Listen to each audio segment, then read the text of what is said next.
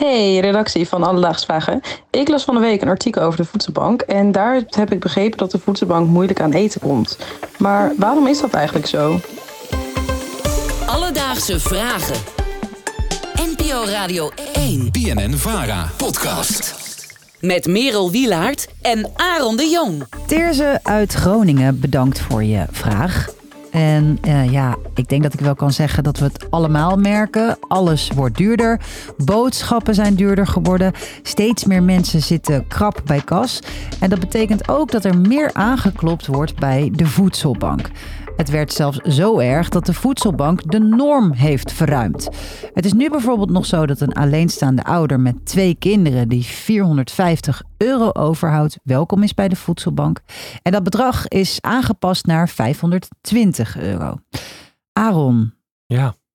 Geldzaken. Ben jij ook iemand die sinds kort wakker ligt en uh, aan het tellen is in je hoofd? Nou, wakker liggen is een groot woord, maar ik ben er wel meer op aan het letten.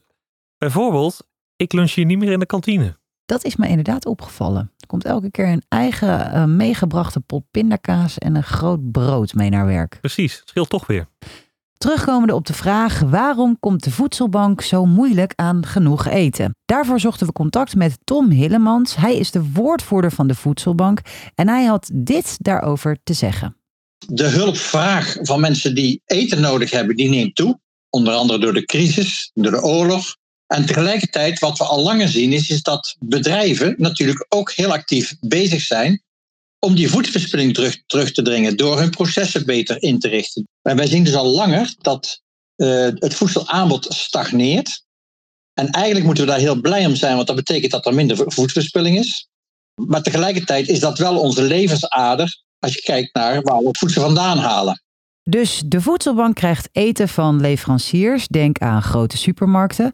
Maar omdat steeds meer supermarkten bewuster zijn gaan inkopen, wat op zich natuurlijk goed nieuws lijkt, blijft er ook weer minder over voor de voedselbank. Dus hoe gaan die voedselbanken daar weer mee om? We zijn in gesprek met de overheid van, goh, hoe zouden jullie kunnen helpen?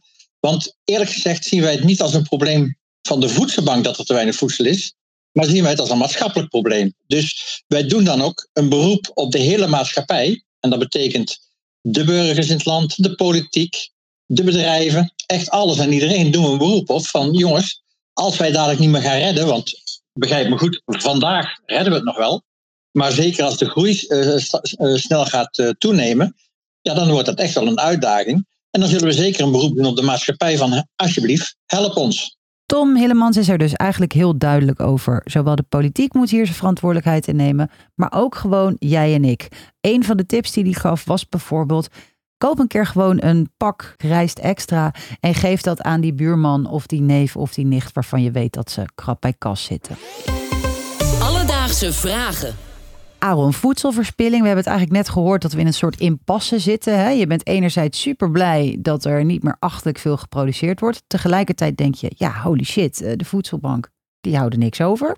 Ken jij zo'n ontbijtbuffet in een hotel bijvoorbeeld? Ja, daar wordt vast heel veel weggegooid. Ja. En ik heb zelf ook tijden bij een bakker gewerkt. Nou, daar werd ook heel veel weggegooid. En zij wilden het ja, ook weliswaar naar de voedselbank brengen.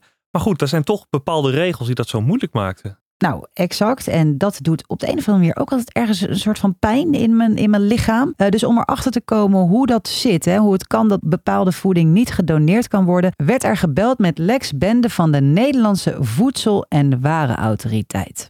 Voedsel moet natuurlijk veilig zijn. Hè? Ook als je afhankelijk bent van de de voedselbank voor je boodschappen, dan nog moet het voedsel dat je daar krijgt, moet natuurlijk veilig zijn. En je kan je voorstellen als er uh, producten zijn die een paar uur uh, open en bloot hebben gelegen, waar mensen aan hebben kunnen komen, uh, dat dat al een risico kan vormen. En ook als die producten die daar liggen, losse sneeën brood, losse muffins, uh, losse uh, gekookte eieren. Dan weet je bijvoorbeeld helemaal niet van, ja, wat is nou eigenlijk de houdbaarheidsdatum daarvan? Uh, je kan ook niet meer achterhalen, waar kan het nou eigenlijk precies vandaan? hoe is het bewaard?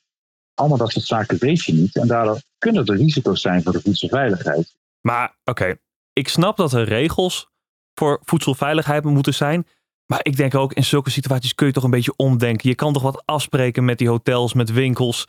Het moet toch mogelijk zijn dat Ja. niet zoveel voedsel verspild wordt. Zeker in dat soort situaties. Kijk, ik snap heus wel dat je een ge- gebakken eitje op een gegeven moment weg moet gooien. En, en een gekookt eitje ook. Maar we zijn in Nederland zo op de regels dat zo'n hotel heus wel weet wanneer het voor het laatst uit de koelkast getrokken is. En je kan toch zelf ook een beetje naar een boterham kijken, of niet? Ja, precies.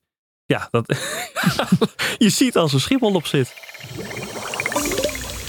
Nou, Teerse, de voedselbank komt dus moeilijk aan eten omdat er door bijvoorbeeld supermarkten steeds beter wordt opgelet in wat er wordt ingekocht om verspilling tegen te gaan.